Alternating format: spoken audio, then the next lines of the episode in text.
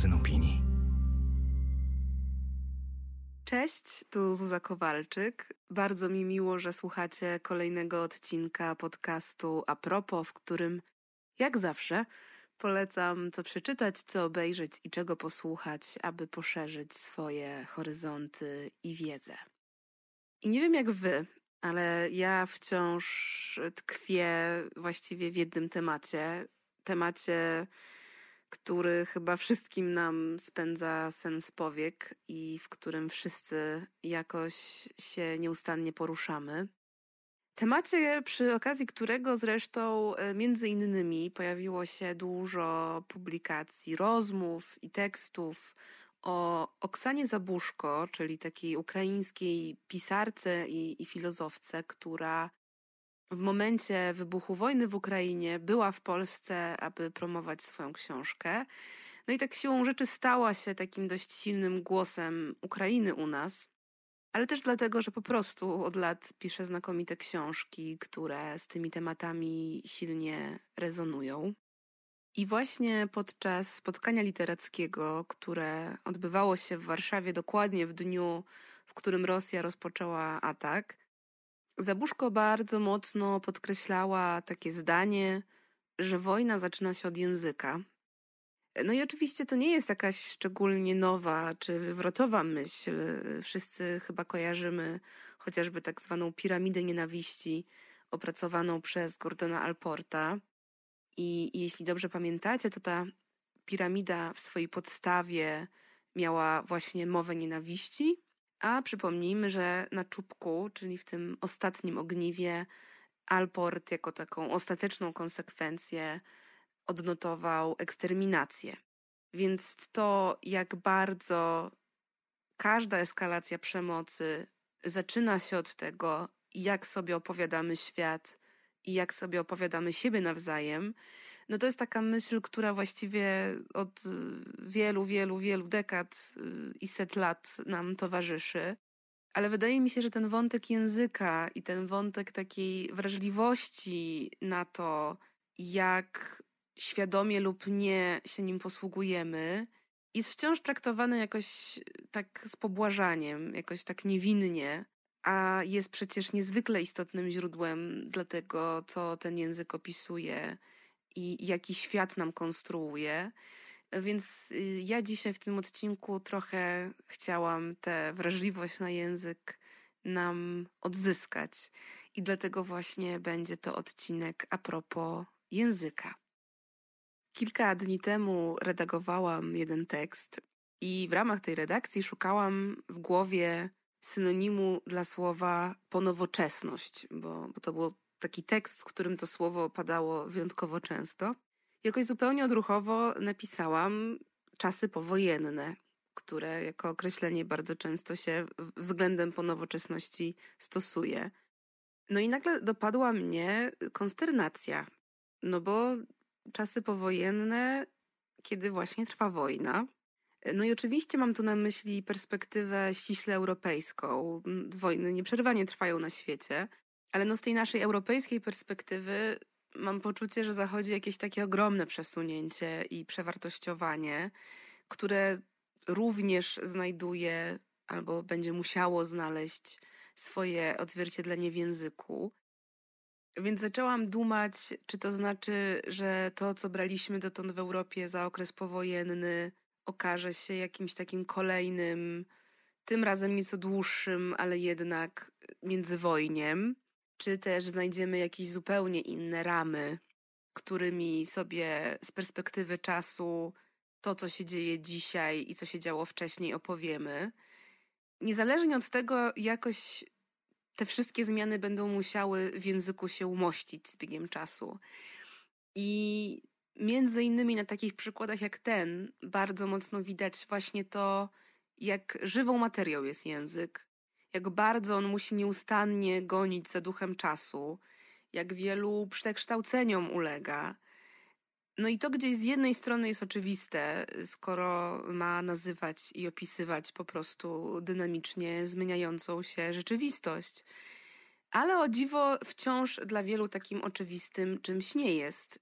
Y, I dlatego naprawdę nadal zadziwiają mnie takie bardzo kategoryczne sprzeciwy wobec wszelkich propozycji zmian w języku, tak jakby język był jakimś po prostu twardym, jednorodnym tworem, którego w żaden sposób nie można lepić, upłynniać i który nijak się ma do tego, co się dzieje. I to jeszcze zupełnie tak, jakbyśmy nie mieli świadomości tego, jak to dotychczasowe użycie było konotowane, to znaczy jaki ciężar za sobą niektóre określenia czy użycia niosły, niosą i do jakich podziałów społecznych doprowadziły. Mm, no bo tak, po prostu najwyższa pora zrozumieć, że język buduje nasz obraz świata i jeśli coś w tym języku się nie mieści, to często znika też z tego, jak my myślimy o świecie. I to naprawdę również nie jest jakkolwiek nowa czy wywrotowa myśl. Tak zwana teza o relatywizmie językowym, którą przypisuje się dwóm lingwistom, czyli Edwardowi Sapirowi i Benjaminowi Lee Wurfowi. To jest taka teza, która mówi o tym, że po prostu język kształtuje nasz sposób myślenia i, i panowie przeprowadzili takie dowodzenie tej tezy. No ta teza liczy sobie już około 100 lat. I no tak samo żadna ta nowa myśl, że przemoc uprawomocnia się poprzez język. Y, walka o inkluzywność języka naprawdę wbrew temu, jak chcą to widzieć niektórzy, nie jest jakąś nadwrażliwą fanaberią, ale jest bardzo realnym działaniem na rzecz przerywania łańcucha dyskryminacji i przerywania procesów przemocy, które przez wiele dekad ustanawiały i podtrzymywały bardzo określony porządek świata, w którym po prostu wiele jednostek się nie mieściło. No i dlatego, jeżeli kogoś naprawdę burzy uznanie słowa murzyn za obraźliwe, zwracanie uwagi na dehumanizujący język w przypadku opisu sytuacji uchodźców, no albo trzymając się już tego, do czego wyszłam, choćby stosowanie zapisu w Ukrainie zamiast na Ukrainie, no to jeśli kogoś to burzy, to, to jest naprawdę zaprzeczenie nie tylko temu, że w ogóle zachodzi jakiś postęp, ale też temu, że to, jak mówimy, jest ściśle związane z tym, jak myślimy. No ja jeśli ktoś i temu zaprzecza, to, to chyba już tutaj wymiana argumentów traci jakikolwiek sens. I takim najczęściej powracającym przykładem tego, jak właśnie od tego dehumanizującego języka w powszechnym użyciu łatwo jest przejść do nienawiści i przemocy, no jest oczywiście ludobójstwo w Ruandzie, gdzie na tę eskalację konfliktu pomiędzy Tutsi a Hutu niebagatelny wpływ miały audycje radiowe, w których sączono taki narracyjny jad e, wobec siebie.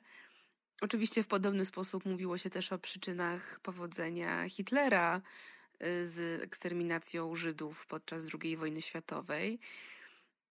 No ja proponuję jeszcze inną perspektywę, to znaczy chciałam Wam zaproponować seans naprawdę niesamowitego filmu dokumentalnego. Choć tak naprawdę narracyjnie i artystycznie nie jest to zupełnie klasyczny dokument, a mówię o filmie Brakujące zdjęcie. To jest film w reżyserii Rithiego Pana, który opowiada o ludobójstwie w Kambodży za czasów Czerwonych Kmerów. To jest okres lat 1975-1979. Czyli opowieść o takim kawałku historii, który właściwie w polskiej szkole jest nieobecny, e, a jest to naprawdę niesamowicie wstrząsający kawał historii.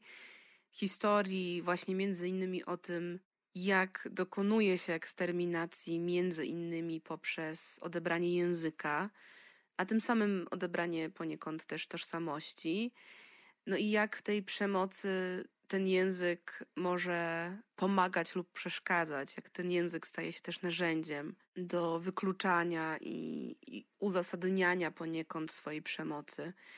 Autor tego filmu jest zresztą ocaleńcem z tego strasznego czasu i rekonstruuje tę tragedię przy pomocy różnych archiwalnych materiałów, opowieści, ale również, co jest bardzo ciekawe i bardzo piękne, glinianych figurek, które trochę jak pacynki dopowiadają tę historię i które też w swojej warstwie wizualnej dopowiadają te zmiany, które zachodzą wraz ze skalą przemocy.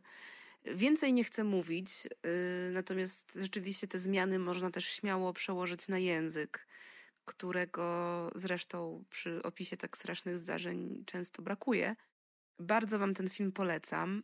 No i właśnie, poniekąd też dlatego tak bardzo szokuje mnie ta niechęć dużej części polskiego społeczeństwa do docenienia roli języka jako takiego narzędzia politycznego i społecznego. No bo przecież zdawałoby się, że kogo jak kogo, ale nas akurat historia też dość mocno doświadczyła w zakresie tego, jak zmiany w języku potrafią generować zmiany w rzeczywistości. No i oczywiście mowa tu nie tylko o, nie wiem, zaborach i próbie unicestwienia polskiego języka i polskiej kultury, ale mowa też chociażby o tym, jak doskonałym przykładem manipulacji językowej posługiwał się komunizm. Y, doskonale też pokazują to dwie książki i mam tu na myśli Władze Słowa Stanisława Rośka oraz Nowomowę po polsku Michała Głowińskiego. No, nowomowa po polsku to jest chyba taka zresztą najbardziej znana pozycja unaoczniająca te mechanizmy działania propagandy poprzez język.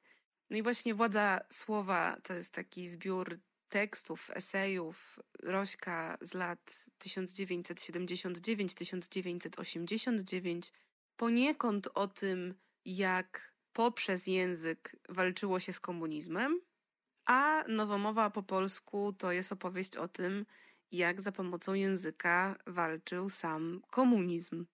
Więc w zasadzie obie te książki mówią o tym, jak kluczową rolę w urządzaniu świata podług jakiejś ideologii odgrywa język, jak też bardzo za pomocą języka można stawiać opór i manipulować.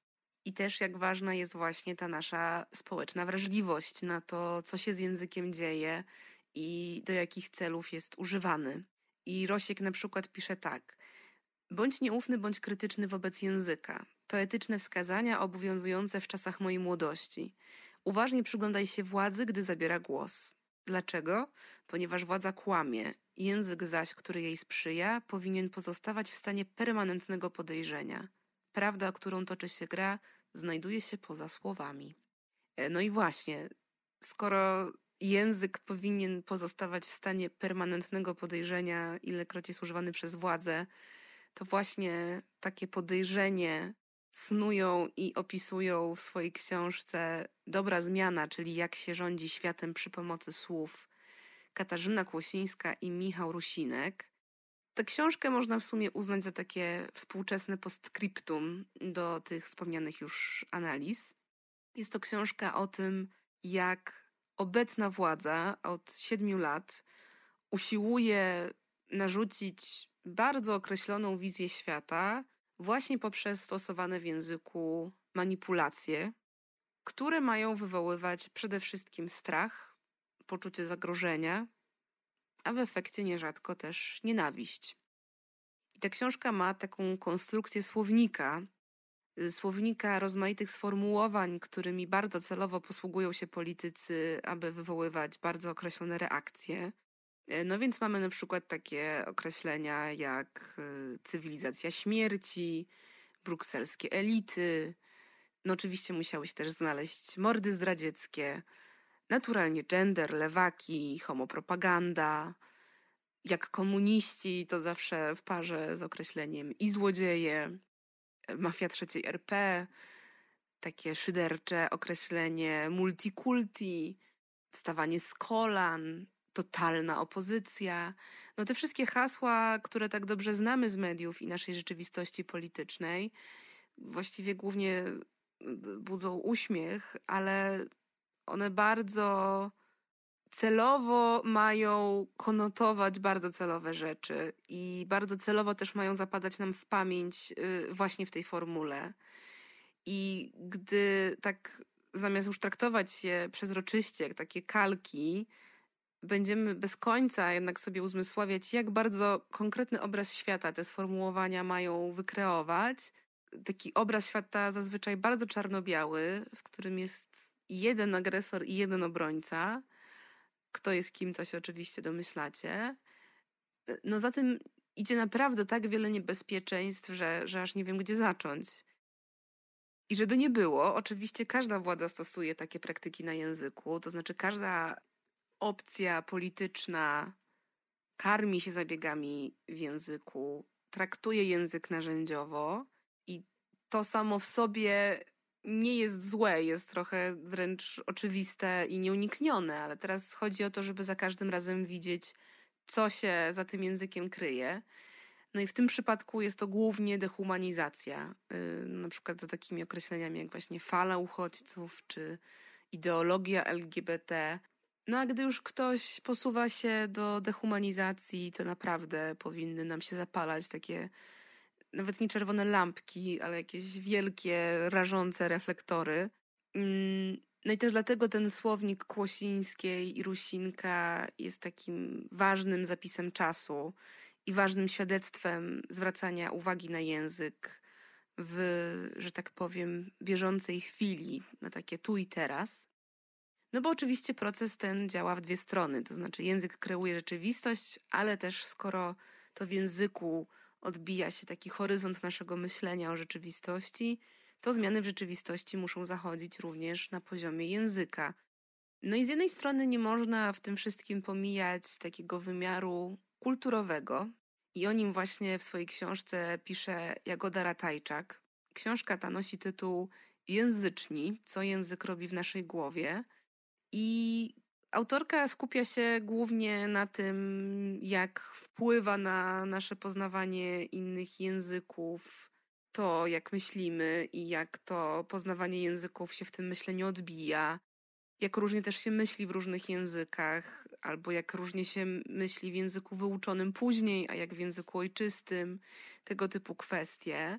Dla Ratajczak tak naprawdę najbardziej interesujące są te wymiary języka, które chyba najlepiej ujmuje takie powiedzenie, że w każdym języku jest się trochę innym człowiekiem. Y, co też najlepiej zresztą dowodzi tego, jak mocno język jest spleciony z kulturą danego kraju, a przez to również z tym, jak dane społeczeństwo traktuje rozmaite tematy. No bo różne języki mają też różne temperamenty, różnie się w różnych językach reaguje emocjonalnie. No jest to niezwykle ciekawe, a przy tym właśnie podbijające te stwierdzenia o tym, jak bardzo język jest ważny dla tego, jak myślimy, ale też jak czujemy, jak bardzo to zanurzenie w innej kulturze otwiera na inny zestaw doświadczeń. Y, zresztą książka jest też wydana przez wydawnictwo Charakter, więc oczywiście przy okazji jest piękna graficznie, z ilustracjami Oli Niepsuj. Bardzo Wam polecam. W kontekście różnych języków, oczywiście nie sposób nie wspomnieć o tłumaczeniach, jako takiej zupełnie oddzielnej kategorii uwrażliwiania się na język, na takie czucie języka, próby też przekładania właśnie tych różnych doświadczeń, różnych kultur. Mam zresztą nadzieję, że ten wątek doczeka się kiedyś oddzielnego odcinka, bo o tłumaczeniach powstała naprawdę masa ciekawych książek i opracowań. I jest to niezwykle ciekawy temat sam w sobie. Więc tu nie będę się szczególnie nad tym rozwodzić, tylko zrobię taką szybką wrzutkę. Y, a wrzutką jest podcast, który nazywa się Przetłumacze. I jest to podcast no właśnie o tłumaczach, o tłumaczeniach, o językach, yy, produkowany przez Biuro Tłumaczeń Duna. No i są to po prostu rozmowy z rozmaitymi ludźmi, którzy zajmują się językiem od tej bardziej profesjonalnej strony, o tym, co w tym języku i w myśleniu o języku sprawia nam największe wyzwania i trudności, co jest w przekładzie trudne, co jest w nim ciekawe, na co przekład otwiera głowę jak różne też bywają różne tłumaczenia na różne kultury. No, ogrom ciekawych wątków i tematów, więc jeśli Was one jakkolwiek kręcą, to bardzo Wam ten podcast polecam. A z nowości w, wokół tych tematów polecam Wam z kolei najnowszą książkę Daniela Tameta. Książka ta nosi tytuł Słowa są jak ptaki, które uczymy śpiewać, i jest to ciekawa perspektywa o tyle, że Daniel Tamet jest prozaikiem i poetą, który jest w spektrum autyzmu. I właśnie w tej książce o języku pisze o tym czuciu, doświadczaniu, używaniu języka z tej perspektywy. Czyli perspektywy tak naprawdę bardzo ciekawej i dość niezwykłej. E, też zresztą Tamet jest niebywale uzdolnioną osobą. Głównie znany jest z tego, że jest uzdolniony matematycznie, ale tego zdolności również obejmują języki, ponieważ włada on aż jednostoma językami. No i właśnie z tej perspektywy temu językowi się przygląda w jego bardzo różnych obliczach, bo nie tylko podejmuje się tematu swojej relacji z poszczególnymi językami, nie tylko szuka takich różnych kulturowych kodów i ich źródeł w językach, ale też próbuje z tego języka wyłuskać jakiś taki uniwersalny mechanizm, co jest bardzo ciekawe. Też na przykład przygląda się językowi z perspektywy komunikacji pomiędzy człowiekiem a maszyną, więc różne tego typu ujęcia i to jeszcze ujęte z punktu widzenia kogoś szczególnie wrażliwego, a do tego no, niezwykle uzdolnionego w tym temacie, po prostu poligloty. Więc jeśli takie ujęcie i podejście do języka Was interesuje, to polecam Wam serdecznie lekturę książki Słowa są jak ptaki. I łapiąc się tego uniwersalnego wymiaru języka, to znaczy takich kwestii, które dotyczą go w różnych, choć oczywiście nie wszystkich kulturach, to jednym z tematów, który od kilku lat regularnie się podnosi w odniesieniu do tego, jaki obraz świata kształtuje język, jest to temat tego, w jaki sposób język odzwierciedla taką bardzo antropocentryczną wizję świata, w jaki sposób przeciwstawiamy człowieka innym istotom w języku, jak sami siebie w tym języku wynosimy na piedestał. No nierzadko po to, żeby usprawiedliwiać krzywdy zadawane naturze i innym istotom, no ale też nie do końca zawsze uświadamiamy sobie, jak daleko idą konsekwencje takiego ustawiania perspektywy, a te konsekwencje głównie dotyczą takiej właśnie bardzo wykluczającej narracji, bardzo nierównego spojrzenia na rzeczywistość. I między innymi o tym pisze w bardzo ciekawym eseju Bydlęce brzemię Sunara Taylor. To jest amerykańska pisarka i aktywistka. Książkę tę po polsku wydało wydawnictwo Filtry, które muszę przyznać, że zaczyna mocno deptać po piętach moim innym wydawniczym faworytom. Właściwie wszystko, co wydają filtry, budzi moją ciekawość i też nie inaczej było z tą książką, e, w której właśnie Taylor pokazuje, jak wiele wspólnego ma nasz sposób myślenia i mówienia o zwierzętach, a właściwie powinnam powiedzieć innych zwierzętach niż my, z wykluczeniem niepełnosprawności w naszym świecie. To jest w ogóle bardzo ciekawe powiązanie tych dwóch perspektyw.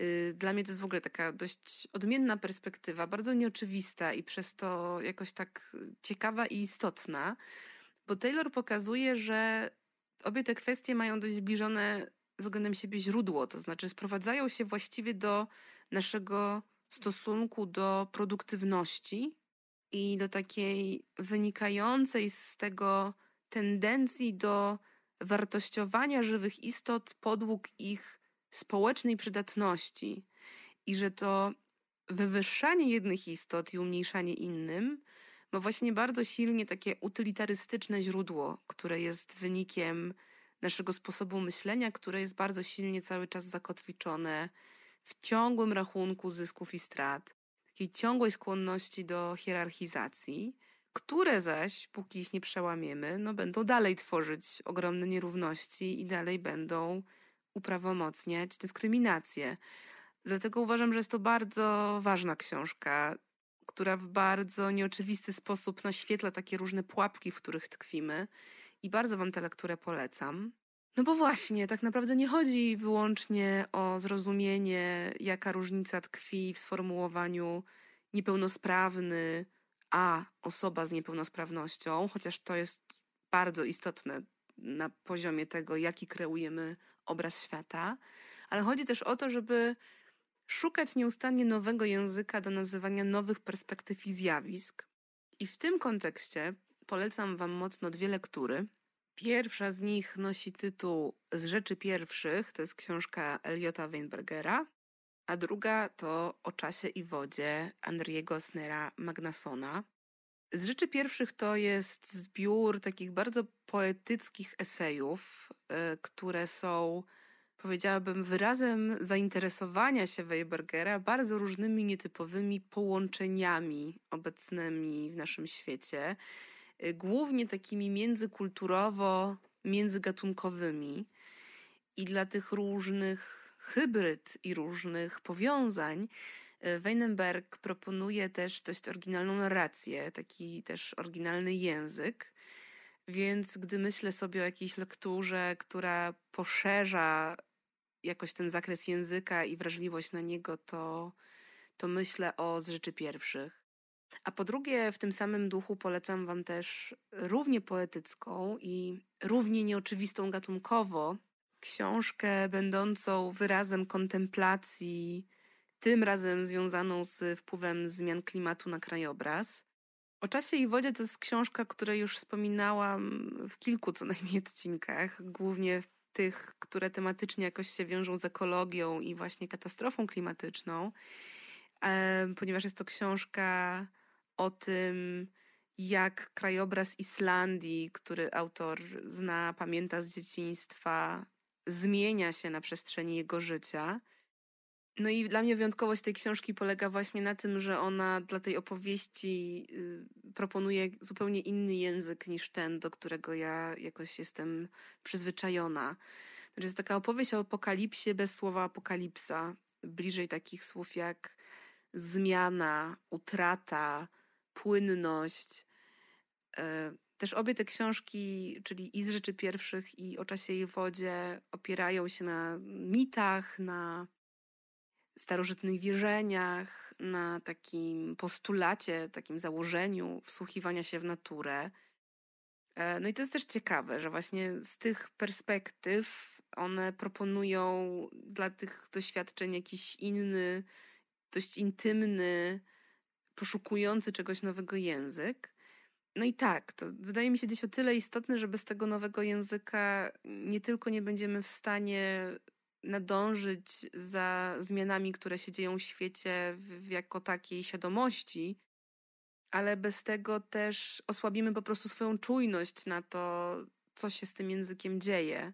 A skoro język ustanawia obraz świata, to, to śmiało można uznać, że dzieje się w nim absolutnie wszystko. Od dostrzegania zmian klimatu po samą wojnę. Więc tej wrażliwości na język wszystkim nam bardzo życzę i oby było jej w nas coraz więcej.